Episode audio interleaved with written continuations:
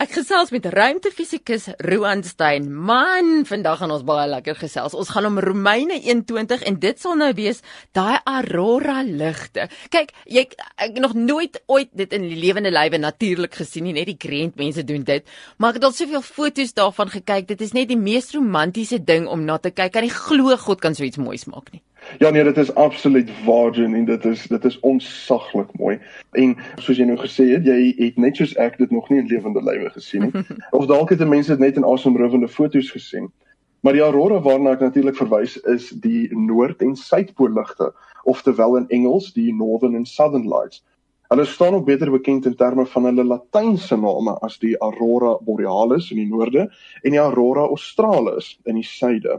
Nou hierdie ligte oor die noordpool en suidpool is onbeskryflik mooi.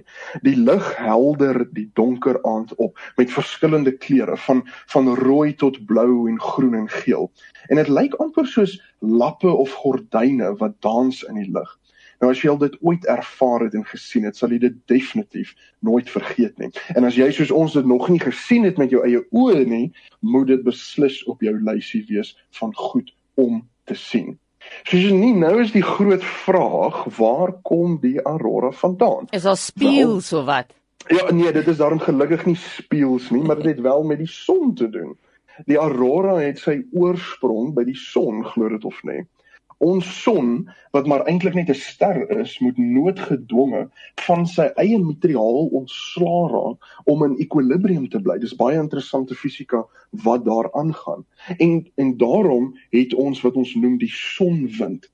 Dit is baie hoë energie deeltjies, baie gevaarlike deeltjies wat afkomstig is van die korona van die son. Nou moet ek net by sê, die korona is die latynse naam vir die kroon van die son. Dit is die boonste deel van die atmosfeer van die son. Hmm. En nou absoluut niks met ons huidige omstandighede uit te vaai nie. So hierdie sonwind bestaan uit geïoniseerde waterstof wat elektrone en protone is. So ons sien die son gee die hele tyd hierdie protone en elektrone af in alle rigtings en onder andere stuur die son hierdie deeltjies na die aarde toe. Nou die skepping is absoluut asemrowend. Luister bietjie na hierdie deel. Alhoewel hierdie gevaarlike hoë energie deeltjies op pad is na die aarde toe, het ons 'n magneetveld om die aarde wat presies daar is om ons te beskerm teen hierdie gevaarlike deeltjies. Dit is asof die aarde se magneetveld 'n veilig, kom ons noem dit 'n kokon maak waar die mens en alles op die aarde beskerm word. So, hoe beskerm die magneetveld ons? Die deeltjies van die son word gevang deur die magneetveld en word dan afgestuur na die magnetiese pole toe. Dus kanaliseer die magneetveld al hierdie gevaarlike deeltjies na die pole toe en dan vind daar 'n botsing plaas tussen hierdie hoë energie deeltjies en die aarde se atmosfeer. Die oomblik wanneer hierdie botsing plaasvind, word daar lig afgegee. Dis asof ware 'n produk van die botsing en die kleur van hierdie lig hang af van die energie waarmee daardie deeltjie um, gebots het met die atmosfeer. So die meeste auroras sien ons is 'n groen skynsel en die groen is maar net as gevolg van die suurstof waarmee die deeltjies bots in die hoë atmosfeer. Wanneer die deeltjies met stikstof in die atmosfeer bots, dan maak dit 'n blou skynsel. En uh, daar is baie spesies in ons atmosfeer. So jy kan al die kleure van die reënboog maak. Dit is nou maar net dat stikstof en suurstof is baie meer. Nou die aarde is nie die enigste planeet wat auroras het nie en ons het al auroras gesien op planete soos Jupiter en Saturnus.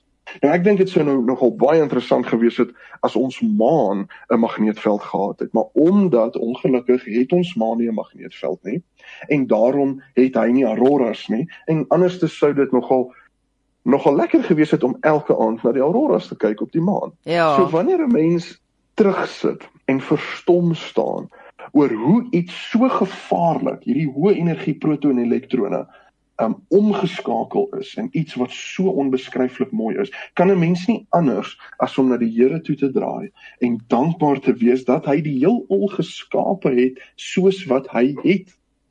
En in Romeine 1:20 sê dat ons duidelik kan sien dat God die wêreld geskep het in sy natuur en dat sy krag en sy goddelikheid gesien kan word in die natuur. Die aurora is vir my so 'n mooi voorbeeld daarvan. Die Here het geweet hoe sterk hy die son moet maak om lewe op aarde te kan bewerkstellig. Maar in dieselfde asem weet hy dat daar dan gevaarlike deeltjies na ons kant toe kom en daarom gee hy toe die aarde 'n magneetveld om ons te beskerm. En raai wat? Die magneetveld het sy oorsprong in die komposisie van die aarde, maar meer belangrik, die magneetveld van die aarde het sy oorsprong in die feit dat die aarde om sy eie as roteer dit wek die magneetveld op. So toe die Here gesê het laat daar dag wees en laat daar nag wees, het daardie einste woorde gemaak dat daar nie net donker en lig is nie, maar in daardie selfde woorde is die magneetveld van die aarde ook geskep. Is dit nie asemrowend nie? Dit is asemrowend. Ek moet tog al vir jou vra Eh, om vir my te verduidelik, hoekom is hierdie deeltjies wat nou so hoog gelaai is met energie, hoekom is hulle so gevaarlik? Hulle is baie gevaarlik vir die mens as sulks. Ek wil amper sê mens mens sou nie sê dat hulle is gevaarlik vir vir plante of vir die aarde nie, maar vir die mens en diere is hulle baie gevaarlik omdat hulle het genoeg energie om jou lyf te penetreer. En dit beteken dat hy kan op mikro of nanoskaal kan hy uh jou DNA gaan beskadig. En dit maak dat 'n mens onbeheerbare en ongenooide uh groei van tumors kry ensovoorts. Maar... Dit is maar baie dieselfde geval waar uh radiograwe en radiografiste um natuurlik 'n loodbaadjie dra wanneer hulle ekstrale neem want hulle wil seker maak dat hulle nie daai skadelike ekstrale en wat in 'n ekstraal is maar net 'n baie hoë gelaaide energie elektron So so dit is dit is dieselfde as ons as ons elke liewe dag 1000 ekstrale gaan kry, dan gaan ons op 'n stadium uh, is daar 'n hoë moontlikheid dat 'n ou gaan begin kanker kry. So so so as dit nie vir die magneetveld van die aarde was nie, sou die son ons so bestraal het dat lewe op aarde nie sou kon plaasvind nie. Weet jy wat ek dink aan daai storie van Josef en toe sy broers nou voor hom staan toe hy deur die hele storie is en hy's nou tweede in bevel in Egipte.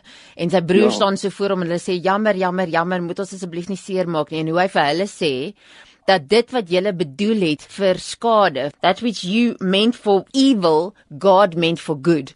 Dit wat jy vir skade bedoel het, het God vir goed bedoel en hoe God enigiets wat maak nie saak waar dit begin of wat die potensiaal vir skade of vir gevaar is nie, hoe as jy aan hom behoort, hy dit omdraai tot iets so mooi soos daai aurora ligte. Dit is dis net God wat daai ding kan doen.